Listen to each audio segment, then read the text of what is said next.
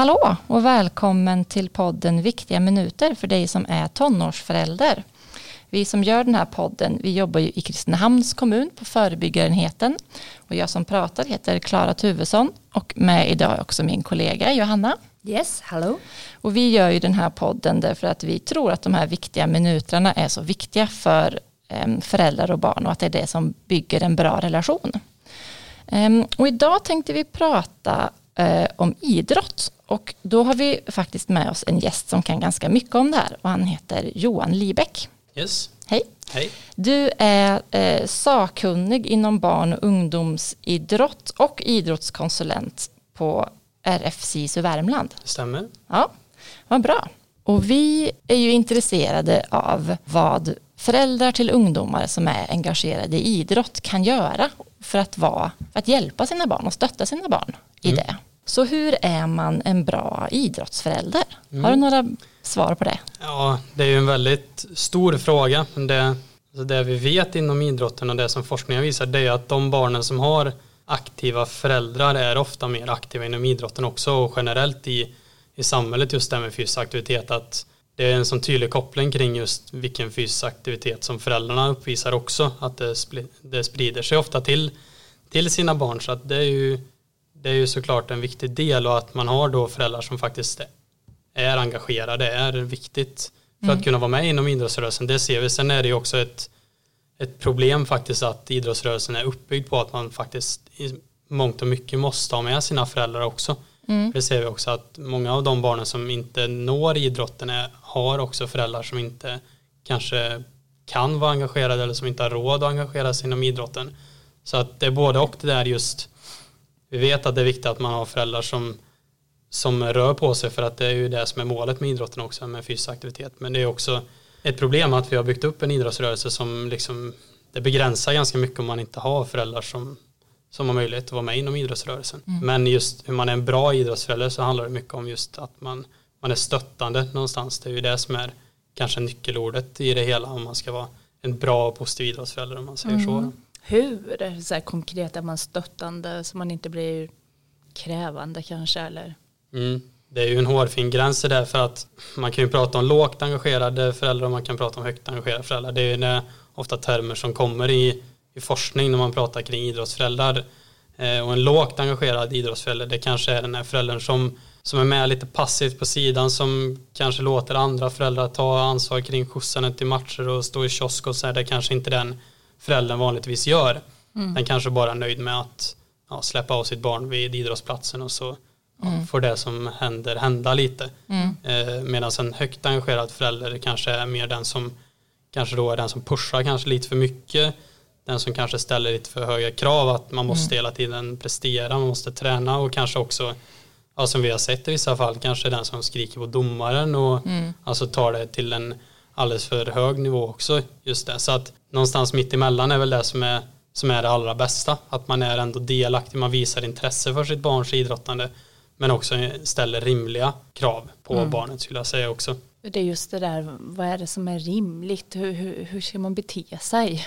Det kan ju vara lite svårt då. Mm. Nej men så är det ju. Sen någonstans är det viktigt att förstå att det är barnen som idrottar eller ungdomen som idrottar. Det är ju inte för förälderns skull. Och det är ju någonstans det kanske det är kanske det som föräldrar ibland har svårast med att se att man identifierar sig själv med sitt barns idrottande och att man kanske vill faktiskt mer ibland än vad barnet i fråga vill också.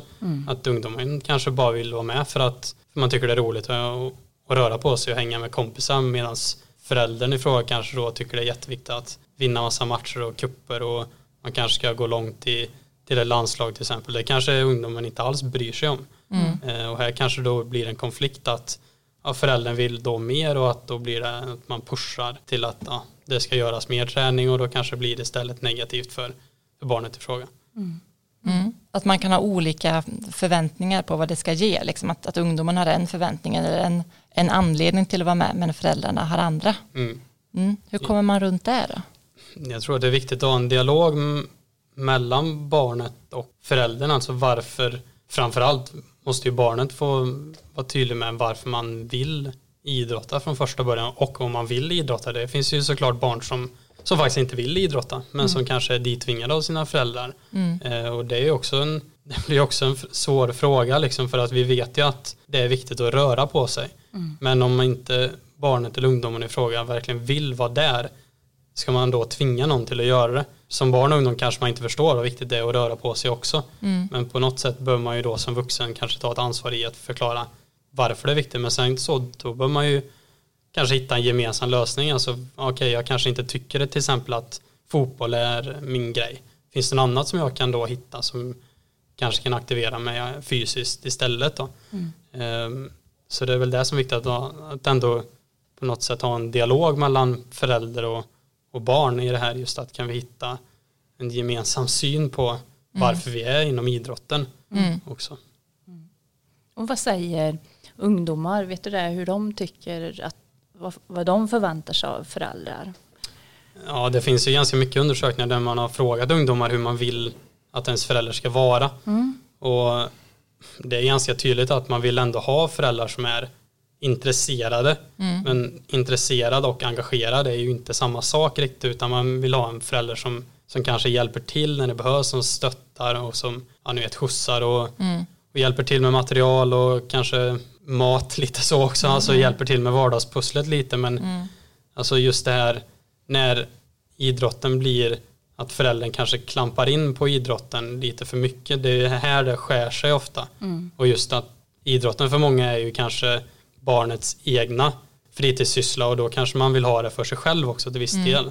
Sen är ju forskningen tydlig med att barn tycker ju ofta det är jobbigt att ha föräldrar som skriker från läktaren, som ställer för höga krav resultatmässigt, som liksom ja, just tycker att det är viktigt att vinna till viss del. Alltså det, det trivs inte de flesta barnen med. Mm. Utan de flesta barnen förväntar sig att sina, sina föräldrar, de vuxna runt, ska vara stöttande framförallt. Mm. Hur jobbar eh, man för att behålla bredden? Om man ledsnar på en idrott, jag vill inte hålla på med fotboll, jag vill prova något annat. det kanske, jag tänker att det kan vara svårt när mm. man kommer upp i tonåren och byta idrott. Mm. Det är svårt, vill jag säga. Som, så som systemet inom idrottsrörelsen är idag så är det svårt. Mm. Eh, det är ju, som man säger, nu blir det ju en liten förklaring kring idrottssystemet, men det är ju att ofta så börjar man ju med idrott när man är 6-7 år. Mm. Och då väljer man ju ofta kanske en eller två eller tre idrotter och så håller man på med dem och sen ju äldre man blir desto mer kanske man väljer en idrott. Men ju äldre man kommer upp i åren desto snävare blir ju också verksamheten just att ja, men de som är inom verksamheten utvecklas ju. Mm. Att då blir det ju tyvärr svårt för en ja, men vi tar en äldre tonåring, 14-årig mm. ungdom som kanske vill börja spela innebandy till exempel. Mm. Det systemet som är idag, det är nästan till omöjligt mm. faktiskt att mm. börja med just innebandy då till mm. exempel. För att de andra har hållit på kanske 6-7 mm. år med det. Sen är andra idrotter bättre på att ta emot äldre ungdomar och även vuxna också. Vad är det för idrotter som är mer lämpade? Det som man ser generellt är att individuella idrotter är lite enklare att mm. börja i senare upp i åldrarna. Skyttesporter är ju en sån idrott där man säger snittåldern till att starta är väldigt hög. Det är mm. nästan över 20 år. Mm. Eh, golf är ju en idrott som, mm. som kanske har en snittålder på över 30 mm. eh, när man börjar. Med. Mm. Så det, det, det, finns ju idrotter som är bra på det här också men de stora idrotterna de traditionella idrotterna måste bli bättre på det här också. Mm. Just att möjliggöra att man kan välja senare i livet. Mm. Ja, golf kan man väl vara hur dålig som helst på säga. ja. ja, men det är ju ändå, man betalar, kan man betala så får man vara med eller? Ja, i princip är det ju så. Men det är väl det som, många av de individuella idrotterna är ju lite enklare så för det tävlar du mot dig själv mm. i princip. För det, det känns ju som att det kan finnas en, en stress ibland um, och framförallt kanske hos barn i, i, i mellanåldern, eller vad ska man säga, mellanstadie upp tidigt högstadie uh, att man kanske håller på med, man har inte valt en sport, man håller på med flera och samtidigt så, så ökar intensiteten i det man ska göra. Alltså så, man, man har kanske två träningar varje vecka fast man håller på med tre sporter. Och, mm. uh, hur, hur ska man tänka då som förälder? Ja, det är ju en utmanande fråga för någonstans så kan man ju inte hålla på för mycket heller skulle jag säga. För att någonstans får man ju tänka på belastning och mm. tidsmässigt också. Man har ju även skola att tänka på. Här blir det ju någonstans ju äldre upp i åren man kommer desto, man måste ju till slut välja mm. någonstans. Det är ju synd att säga men alltså ska man fixa tidsmässigt så bör man göra Sen ska man inte välja när man är kanske tio år utan det är kanske när man kommer upp på gymnasieålder då mm. skolan och allt det där ställer mer krav då kanske det är dags att börja fundera på mm. tidsmässigt men Sen är det ju vi inom idrotten säger ju att det är bra att hålla på med så många idrotter som möjligt. Ju, så långt upp i åldrarna det bara går. Och kan man kombinera två idrotter ända upp till man är 40 så skitbra i sådana fall. Men det är en utmaning med tids, tidsaspekten för det ser vi också i ungdomsbarometern kommer ju med en ny undersökning som idrotten har beställt där det syns att dagens ungdomar mellan 15 till 24 upplever en mycket högre stress. Men här behöver vi då kanske som idrottsrörelse se till kan vi ha verksamheter som är på ett annat sätt så vi kan anpassa utifrån att, att folk är kanske mer stressade, ungdomar är lite mer stressade och kan vi då sänka kraven lite. Och det här är ju det är en fråga som många idrotter har börjat tagit på stort allvar och man tittar över sin tävling och träningsstruktur och just anpassar utifrån det här. Kan vi ha roligt bara? Ja, och det är ju Alltså de allra flesta, det vet vi ju, de allra flesta håller ju på med idrott för att umgås med sina kompisar och få motion och få fysisk aktivitet. Det är ju det är ungefär varannan ungdom som är 15 som vill tävla, som tycker det är viktigt att vinna. Det är alltså varannan som är där bara för att hålla igång och då, då måste man ju också anpassa verksamheten utifrån det. Då kan man inte bara köra stenhårt på att tävling är det viktigaste för alla, för att det, det tycker inte alla. Och det, Men kan man som förälder komma med önskemål eller liksom försöka föra den diskussionen med den, med den klubben eller så som ens, eller den idrotten som ens barn håller på med kanske? Mm. Det är klart föreningsstyrelser består ju ofta av föräldrar i, i viss del. Det är ändå så som våran idrottsrörelse är uppbyggd. De allra flesta kommer in i idrottsrörelsen som ledare för att man är föräldrar. Men just som förälder då har man ju en stor möjlighet att gå in i en föreningsstyrelse eller att faktiskt kunna vara med och påverka på ett bra sätt också. Om man har en grupp ungdomar som kanske bara vill hålla på och vara fysiskt aktiva men varför inte då föreslå för föreningarna att vi kanske ska tänka om och ha en annan typ av verksamhet för de som kanske inte vill tävla supermycket utan de vill, de är, den här gruppen vill hålla igång och ja, leka och vara fysiskt aktiva. Kan vi inte göra någonting för dem till exempel. Men det är, det är ju ofta det det handlar om tycker jag att någon ska ta tag i frågan lite. Mm.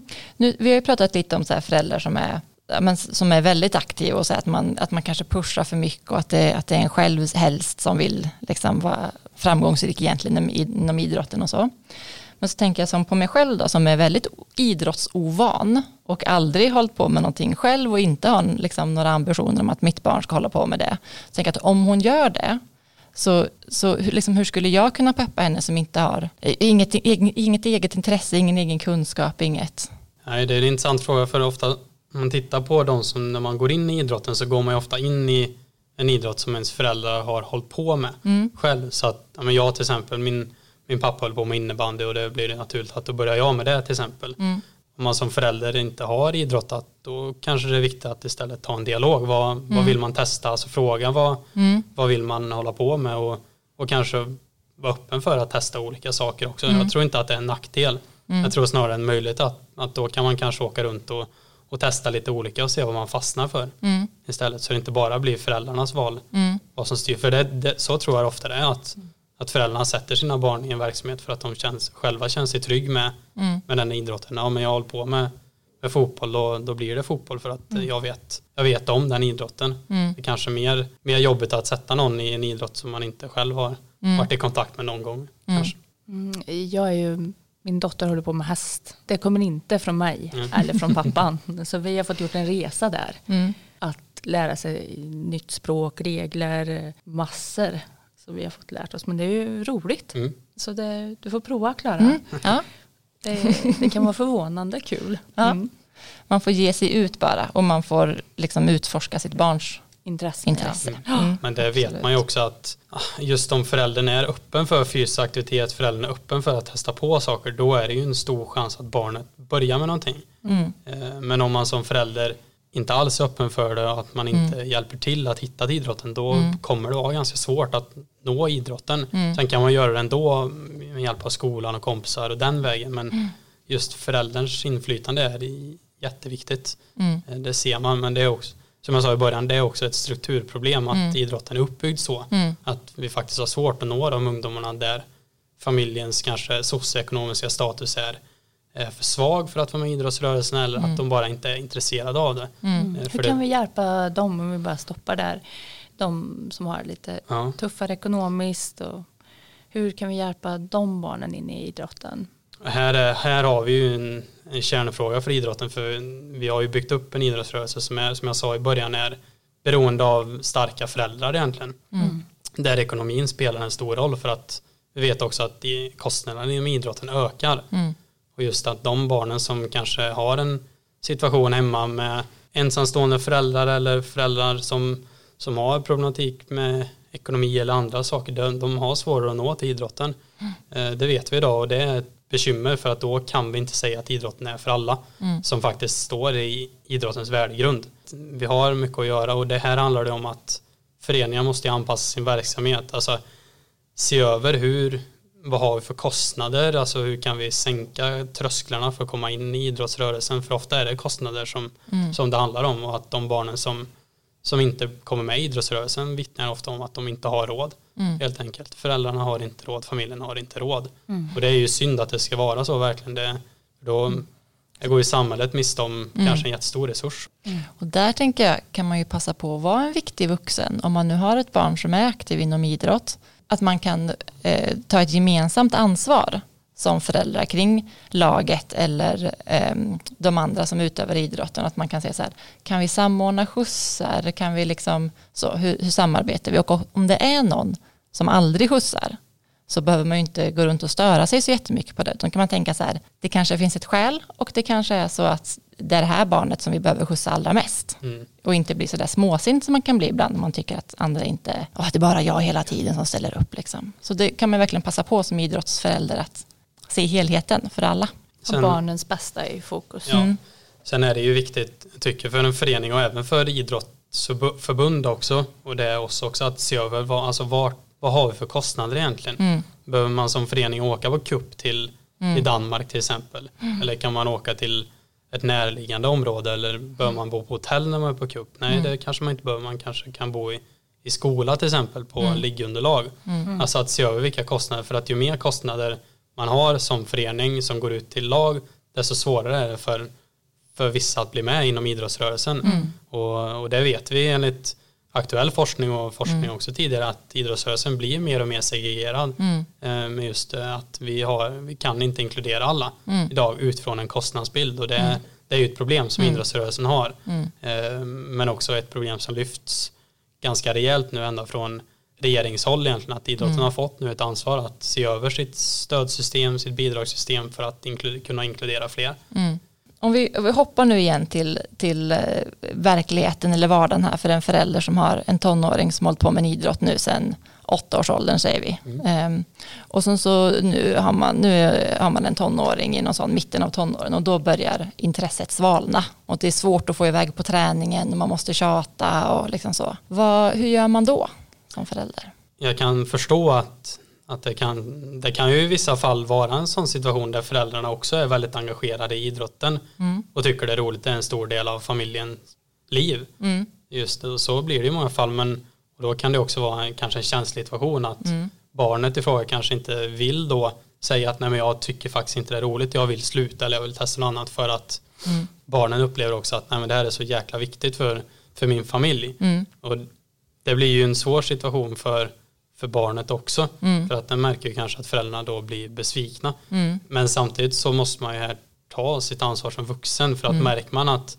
det blir så som du säger att intresset svalnar man vill inte gå på träning då är det någonting som, mm. som kanske har förändrats i livet eller att man det kan ju vara så naturligt när man har tappat intresse. Mm. Jag har hittat något annat i livet som är roligt och då får ju det vara fine kan jag tycka. Mm. För att så länge liksom det finns ju bra avhopp från idrotten. Det finns också dåliga avhopp från idrotten. Ett bra avhopp kan ju vara en sån att man har jag hållit på med en idrott i, från när jag var sju år till 18 och nu mm. känner jag att nej, men jag vill testa något annat kanske mm. i livet. Men att jag har haft en jättebra upplevelse av min, min idrott och jag kan tänka mig att komma tillbaka i framtiden som ledare.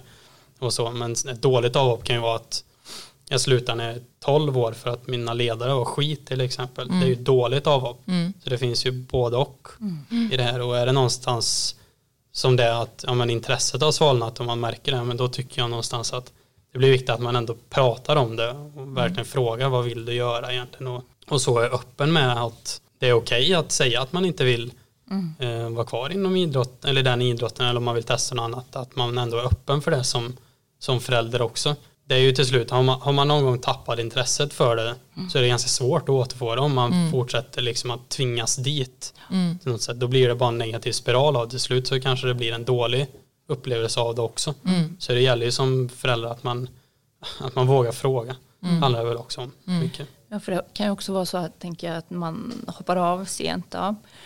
Att det är för man har suttit på bänken mm. alla matcher mm. Eh, och att det inte är så kul att aldrig få Nej. speltid eller att man eh, inte har vunnit på länge och mm. det är lång väg. Ja, glappet mm. mellan mig och eliten är stor mm. och så. Det kan ju vara sådana saker ja. fast man tycker det, att det är roligt. Precis. Men då kanske man kan uh, uppmuntra det här. Finns det fler som tycker det är kul? Kan man starta något eget? Mm. Och det finns ju ofta lag i andra nivåer. Mm. Så att är det så att man, man kanske är en verksamhet som, som kanske är spetsig där, för det är ju ofta i många föreningar att ju äldre man blir desto, desto högre upp kommer man i, kanske i seriesystem och sånt och det, mm. det passar ju inte alla. Mm. Så är det ju bara men då finns det ju kanske förhoppningsvis föreningar i närheten som, som har en annan typ av verksamhet. Så, mm.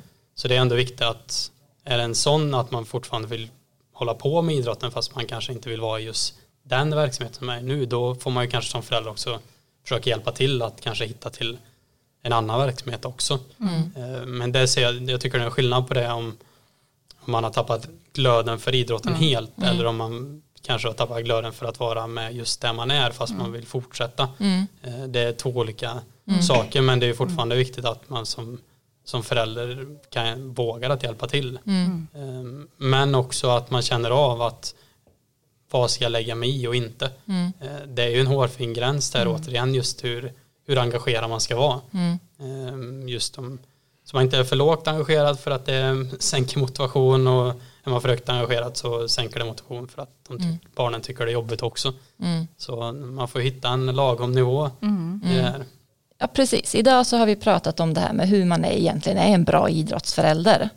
Um, och då har vi haft Johan Liebeck uh, eh, här med oss um, som har gett oss lite bra perspektiv på det. Och det vi har sagt det är ju att aktiva föräldrar ger aktiva barn. Uh, och det gäller både alltså aktiv som i att vara aktiv själv i motion och rörelse men också att vara engagerad i um, idrotten som ens barn håller på med. och man kan stötta genom att vara delaktig och visa intresse och ställa rimliga krav och att man stöttar oavsett resultat. Och sen ska man komma ihåg att det är barnen som idrottar, det är inte du som förälder. Um, och det är bra om man har en dialog med sitt barn så, så att man vet varför man har en, en varför ens ungdom idrottar och om ungdomen överhuvudtaget vill idrotta. Och om det är så att man inte har samma syn på varför man idrottar så behöver man ju eh, diskutera det så att man hamnar på så att man kan få en gemensam syn. Vi vet att ungdomar vill ha hjälp med det som är liksom vardagspusslet, skjuts, mat, material, men också ett, eh, också ett intresse för det man gör. Att man frågar och, och vill veta. Det man kan göra som förälder om ens barns intresse svalnar det är att utforska det lite eh, och försöka ta reda på varför och sen komma ihåg att det är okej okay att inte eh, vilja hålla på med idrott längre, man får sluta. Eh, men man kan också titta på alternativ. Vad, vad, skulle vara kul istället i så fall? Och finns det något annat vi kan gå vidare med? Och, och sen så kan man som förälder om man känner att man har en förening som, som har utvecklingspotential så kan man ju alltid engagera sig själv i föreningen. Eh, se om det finns fler som, som eh, vill utveckla den på, åt samma håll som en själv. Mm. Eller ungdomen. Eller ungdomen. Gå in mm. i. Mm. Men att det egentligen handlar om att hitta en balans i eh, stötta och eh, krava. Mm. Så. Och att det är den som är så svår men ändå så viktig att hitta. Mm. Tack så mycket Johan för att du pratade om det här med oss. Tack så ehm, mycket. Ja. Och tack till er som har lyssnat. Vi hoppas att eh, ni lyssnar igen nästa vecka. Hej då!